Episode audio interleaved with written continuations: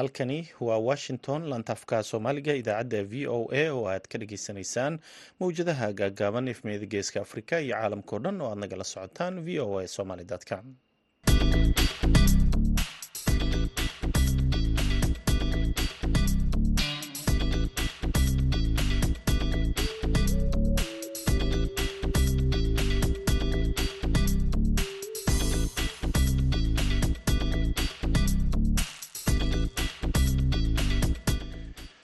wanaagsan dhegaystayaal waa jimco toddobiyo tobanka bisha nofembar sanadka laba kun iyo saddex iyo labaatanka. Afrikada bari saacaddu waxay tilmaamaysaa kowdii iyo barka duhurnimo idaacadda duhurnimo ee barnaamijka dhallinyarada maantana waxaa idinla socodsiinaya anigoo ah cabdulqaadir samakaab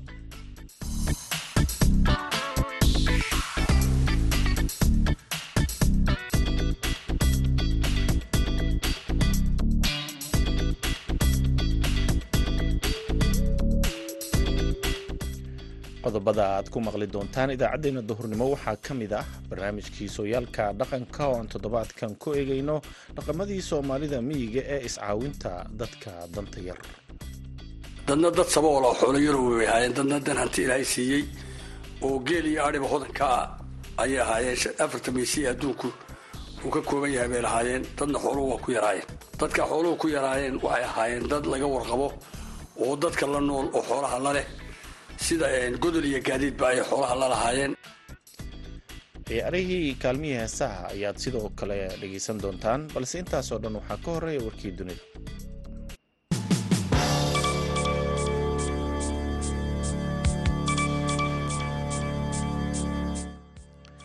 duqeymaha ay israa'il ku hayso marinka gaza ayaa weli sii socda. Xilli isgaarsiinta ay khamiistii ka baxday magaalada sababa la xiriira shidaal la'aan soo wajahday shirkadaha taleefanada iyo qalabka isgaarsiinta ee gaza.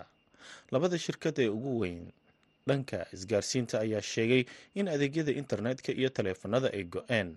Saraakiisha caafimaadka ayaa ka digay in bukaano iyo dad badan oo dhaawacya halis qaba ay khatar ugu jiraan inay dhintaan shidaal la'aanta daraaddeed. Dhanka kale duqeymo culus ayaa laga soo sheegay inay ciidamada israa'il xalay ku beegsadeen.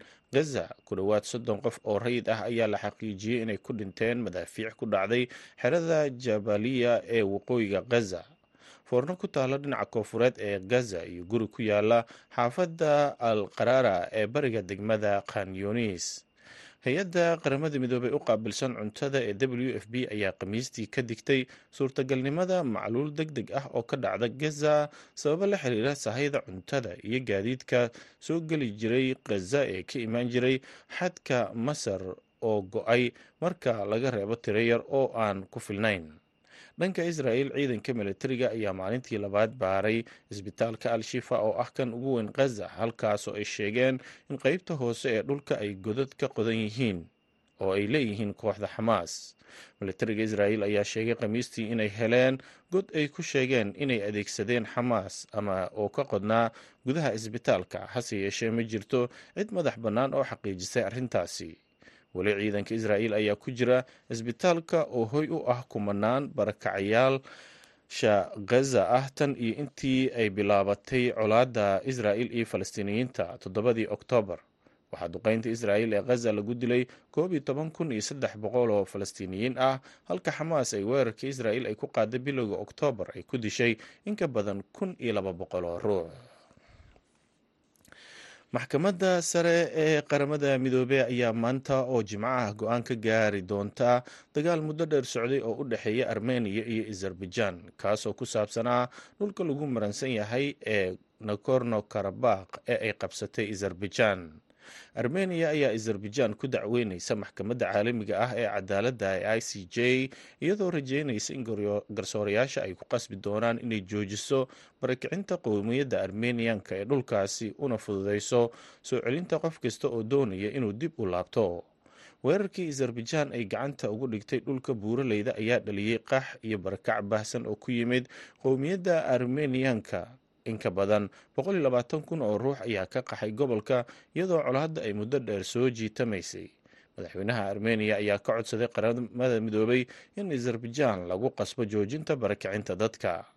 Arrintan ayaa imaanaysa iyadoo toddobaadkii hore madaxweynaha azerbaijan uu kormeeray dhoolatus ciidan oo ka dhacay magaalada ugu weyn gobolka ee kankedi taas oo sii kordhisay xiisadda halkaasi ka ogan dhegeystayaal warkeennii dunidana waa naga intaa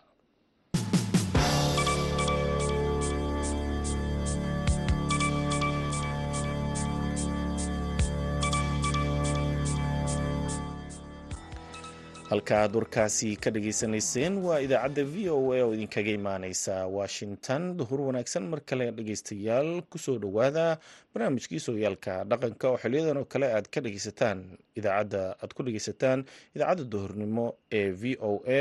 Waxaana soo jeedinaya cabdikariin olol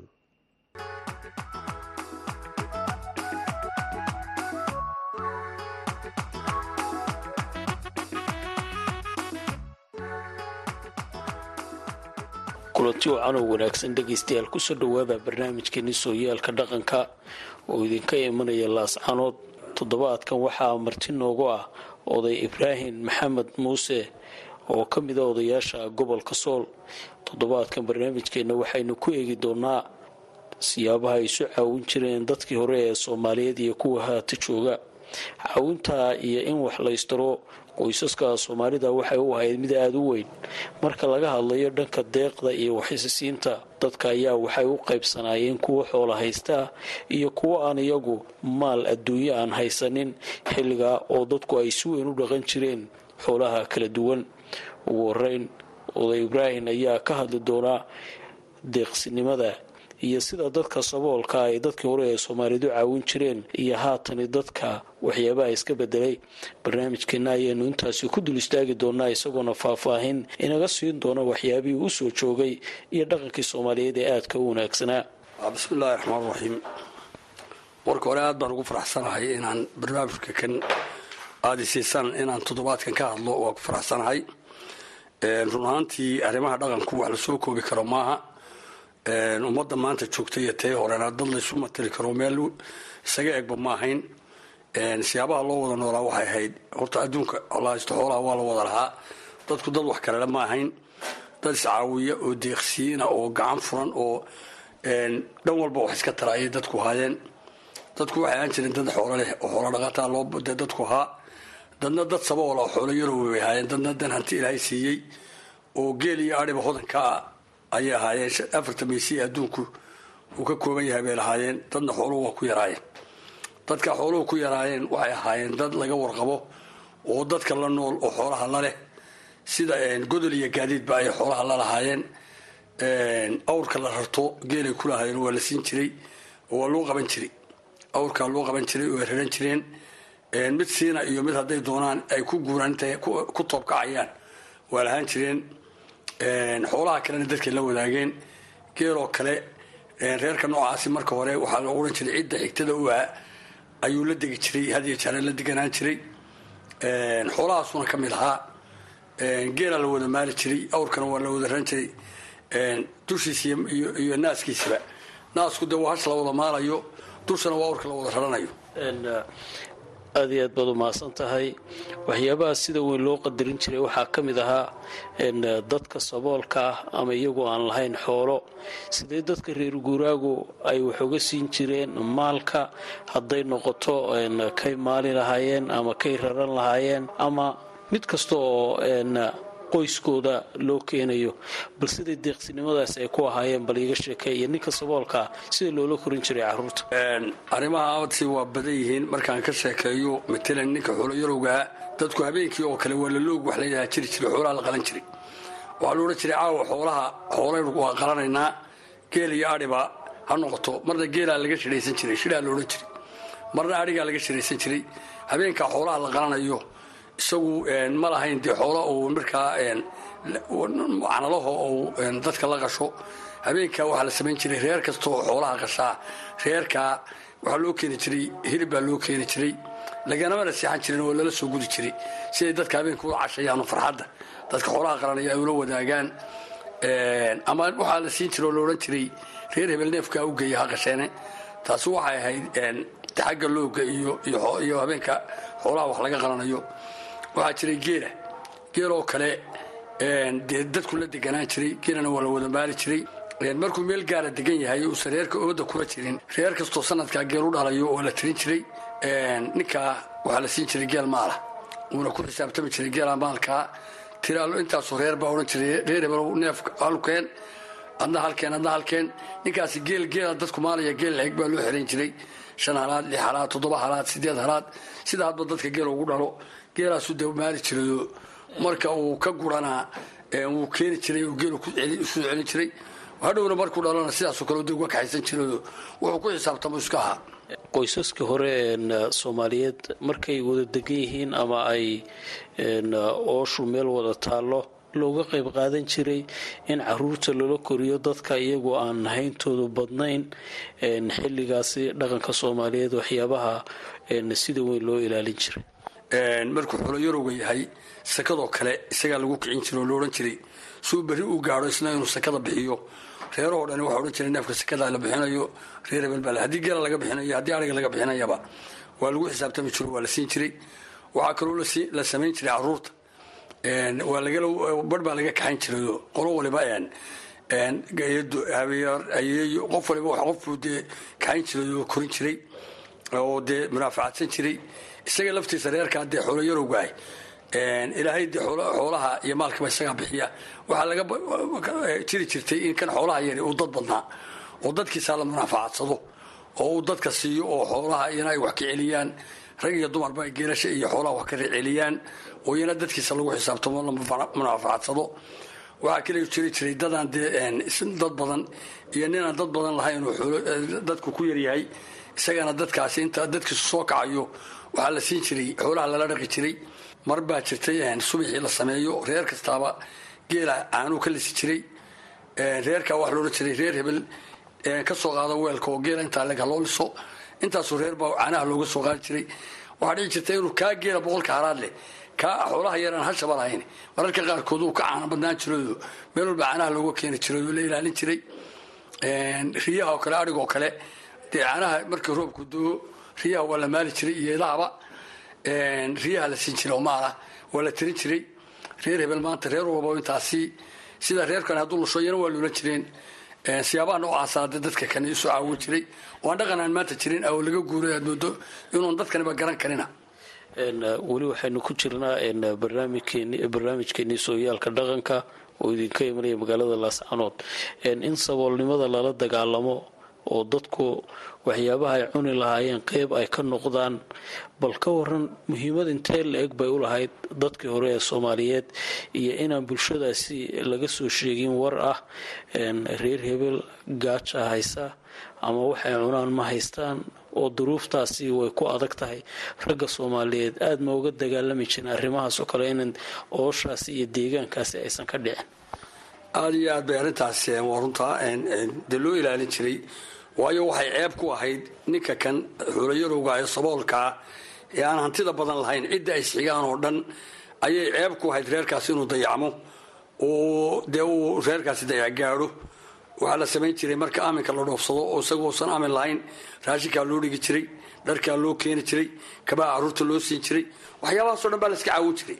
Lama ogolayn reerkaasi inuu dareemo oo waxaa laga ilaalin jiray inuu dee dayacmo ayaa laga ilaalin jiray ceelkao kale marka xooluu ceelka yimaadaan isaga dadkiisa markay xoolaha ceelka keeno waa la kaxayn jiray oo rag iyo dumar wixii xoolaha wada dimakhaadaha la geyn jiray waxbaa la siin jiray raashin baa la siin jiray hodheelada sidaasaana xitaa markay ceelka xooluhu yimaadaan aynayaan loogu ogolan inay ku dayacmaan dadka xoolaha wadaa ee xoolo yarowgahay sidaasoo kale dadka loo ilaalin jiray ceeb bayna ku ahayd dhaqankana waxaa la ilaalin jiray dee casabada. Waa laysu qabsanayaa oo arrin aada u adag nin waliba waa ka taxadari jiray dadka casabada ah inuu dhaqaaleeyo. Kii aan markaa awood badan u hayna dadka kale la dhaqaalayn jiray. Markaa ma jirin dad bulshada ku dhex nool oo xoolo dhaqata ah oo dadka ku dhex dayacmaa ma jiri jirin. Dadku sinaa qof kastoo islaam waxbuu tari jiray waxyaabo badan baa jiray oo inaga soo sheegnay. Marka reerka qoyska aysan iyagu xoolo haysanin marka la yidhaahdo ha loo celiyo oo xoolo ay maalaan ha la siiyo xilligee bay ahaydna xilliyada dee horta geelu dee ama dayr buu dhalaa ama gubuu dhalaa xilliyada naqa ah ee xooluhu dhalaan ee lagu xisaabtamo xilligaasaa xoolaha lagaga xisaabtami jiro maalka laga siin jiray.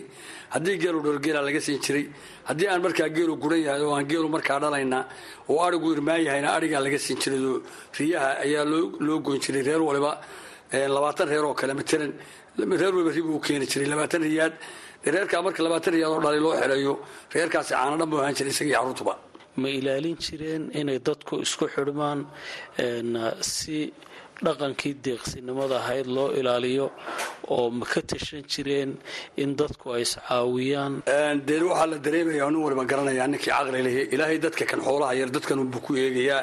Xoolo uma waayin ninku dadku waxaa baqdin laga qabay oo cabsi laga qabay dad cabsida baqa ahaayeen. Ninku hadduusan wax bixin inuu dee fakhriyayo isaga laftiisu fakhriyayo oo ka aan xoolaha lahayn oo kale noqonayo ayuu ku xisaabtami jiray oo ilaahay kama wareejin karo oo kan maanta caydhka ah ilaahay isaga u wareejin karo oo kan xoolaha le laga qaadayo. Sidaasaa markaa xoolaha lagu ilaalin jiray oo lagu dhowri jiray. Waa lay gurigaaga matalan waxaa jiray ninkii doonaya in gurigiisa lagu caydhoobana wuxuu qadiyaa saddex waalidka. Waxyaabaha aada loo ilaalin jiray waxaa ka mid a abtigaadoo kale gabadhaada abtigii caruurtaada abtigood intaasoo kale hadday gurigaaga ku qadaan. Waxaa loo odhan jiray waa fadeexad iyo ceeb ama cuquubaaba ka dhalan jirtay. Haddaad doonayso inaad dee caydhoodo baa laodhan jiray saddexdaa qadi haddaad doonayso in ilaahay maalqabeenaad sii ahaato ilahay maalka kuu ilaaliyana dadka xaqa kuule wax sii. Marka xooluhu horta niyo xoolo la wada leeyahay bay ahaayeen. Waxaa kaloo dadku ogaa oo berigaa garanayay sadaqadu inayna waxba nusqaamin oo ninkii gacanta wax ka bixiya oo xoolaha wax ka bixiya xoolihiisu inay sii joogayaan. Haddaadan xoolaha wax ka bixinna xooluhu dee ku dhaafayaan oo nabsigaasi adiga ku helayo markaa dabsigu nabsigaa la iska dugu jiray oo xoolaha lagu ilaalin jiray dadkase maantahay waxaaba ma yaqaanin bal ka war arrimahaasoo kale qiimaha ay ugu fadhiday xagga waxbixinta iyo kaalmaynta bulshada aan iyagu waxba haysan. De arrimaha dadku waa iska kala soconaa. Ninka deeqsiga iyo ninkaan deeqsi ahayn waa la kala yaqaanay nin wax quuri kara iyo ninkaan waxba quuri karinna waa la kala yaqaanay. Ninka bakaylka marka geedka laysugu yimaado dee ninka lagu soo hirto ee bulshadu maalintaa gurigiisa aan la dhaafi jirin ee geedkiisa la fadhiisan jiray iyo ka laga leexan jirayba waa la kala yaqaanay. Waxaa kaloo jiray dee xoolu markay irmaan yihiin geel baa jira layahay dhowrtaa la yidhahda ana dhowrtaabaa dhirta la keeni jiray geedka laysugu imanayo nin waliba geelisa wuxuu kaga talageli jiray dhiil baa meel la dhigi jiray caano dhowrta ah ama hal ama laba ayaa lagu soo lisi jiray. Beeshaasoo dhan nin waliba gurigiisa dhiishaasa laga soo qaadayaa maalintii marka dadku halkaa isugu yimaado caanahaasaa la wada cabayaado midaan sidin iyo mid sidaba caanahaasaa la wada cabayaa waxaa kaloo lagu xisaabtami jiray ceelashoo kale. Geela lama maali jirin ceenihiisa lama iibin jirin ceeb bay ahayd. Cadkiisana lama iibin jirin. Waa labada aan maanta dee dadku aad arkaysa waxay ka samaynayaan. Geela ceelka marka la keeno dad allaale wixii yimaaday aryo wada ee aan geel aan markaa geel u cabayn geela dhexdiisa la isugu tegi jiro geela lagu maali jiray. Subaxii geelo markuu guriga ka soo dareerayo waxaa la odhan jiray geela halisina dadka maanta ceelka imanaya ha maaleen ma dadkan maanta joogaa taa yeeli kara. Inay geelooda intay saaka caruurtooda ka qadiyaan dareeriyaan oo yidhahdaan maanta dadka ceelka imanaya. Ee aan geel u irmaanayn baa geela maalaya marka la waraabiyo. Saasaa loogu xisaabtami jiray. Marka geelu cabo waa la fadhiisin jiray.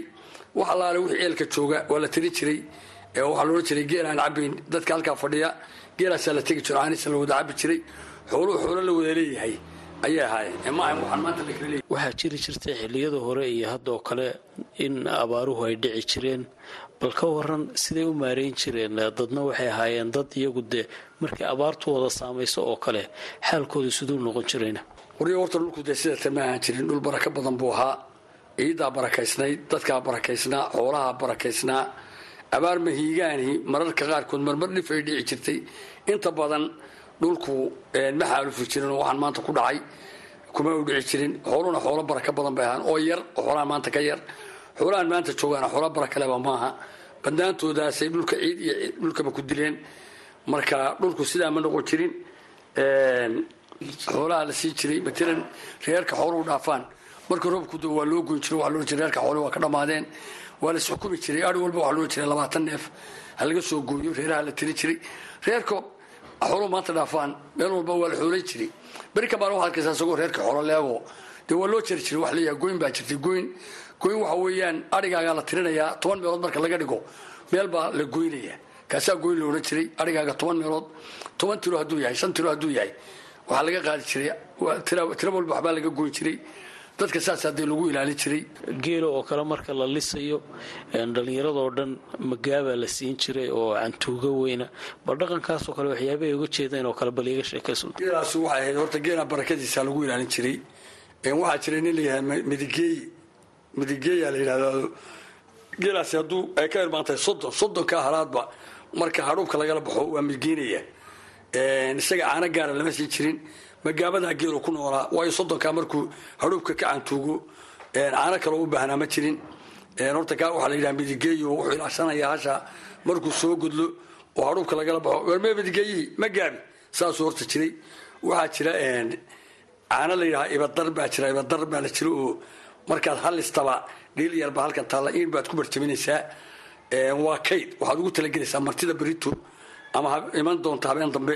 Baad dhigaysaa geela dadkaa loo kala lisi jiro dee reer walba intaasoo halaad baa laisugu lisi jiray ragga goluhu intaasuu maali jiray. Waxaatee waxaa lagu ilaalin jiray dadka saboolkaa lagu ilaalin jiray iyo dadkaan berito ku iman doona ee socotada iyo martida geedkaa la geyn jiray ama guriga hadduu yimaado waxaa loodhan jiray dhiisha ibdarka keen dhiil iska yaqaano. Ani ibdarka reer hebel kulley geli ibdar bay sameeyeen ama dhowrtay sameeyeen. Dadku dad isku soo horto oo ismunaafacadsada oo haddii isu aadu dadku ahaa dadkan maanta kala leexanaya dema dadku maahayn dhibaatooyinkan soo noqnoqday iyo isku xidhnaantii bulshada maxaa hoos u dhacay hadda? Arrimaan lagama sheekayn karo. Niyahow wax waliba waa dhaqan guureen dhaqan guur baana ku dhacay. Dhaqankii baana ka lumay. Akhlaaqdii baa luntay. Nidaamkii oo dhan baa lumay. Geeyaanka waa la su'aali jiray. Matalan maantaoo kale adiga abtayaasha ayaa baxsiisa oo aan diracda ku dhicin ama jilaal ku dhicin oo xooluhu baxsadeen. Marka la yidhaahdo wakhtigaasoo kale dee dadku way su'aali jiray abtigaabaad ku baxsan jirtay. Oo aadaadi jirtay. Sidaasoo kale wax laisu tari jiray. Maanta xitaa guurka taasina wayna ka baabado. Nin waliba gurigiibu dib ugu noqdo reerkii marbuu isla dumayaado matalan waxsisiintii baa dee yaraatay. Burco markilen gobollada kale oo dhan baa dee ehel ku lahayd dhulkaasaa tegi jirtay xoolaha laga keeni jiray. Wixii oo dhan maanta waxaa lumiyey isku noqnoqodka kan ayaa dhibkeenooda wixii o dhan lumiyey markaa dhaqan yaablahayna ka lumay. Mid yaablahayna ka lumay. Ilaahay waxaanu ka baryana ilahay noo soo celiya wax waliba waa yaraadeen. Dhaqankii baa yaraaday xeshoodkii baa yaraaday waxsasiintii baa yaraaday. Waxaa dhici jirtay inaan xitaa aan laga leexdo la yidhaahdo hebel maantayna sooriyen maaye ka leexda oo dee saasaa jirta.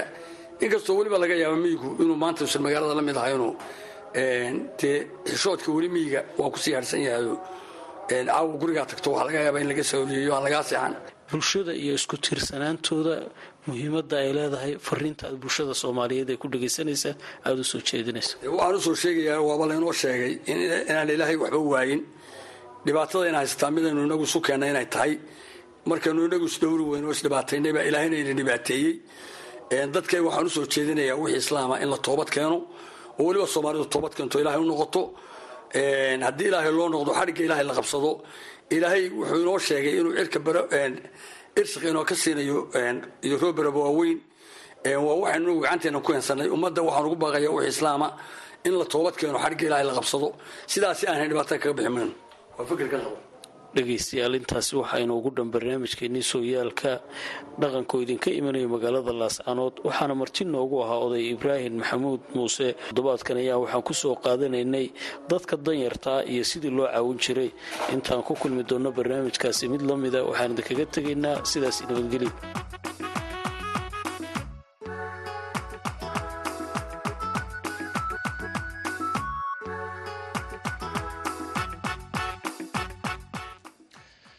aad ayuu u mahadsan yahay cabdikariim olol oo nala socodsiinayey barnaamijkii sooyaalka dhaqanka. Weli waxaad nagala socotaan idaacadda v o a oo idinkaga imaaneysa washington jimco wanaagsan dhegeystayaal. Haddana waxaad ku soo dhowaataan kaalmihii heesaha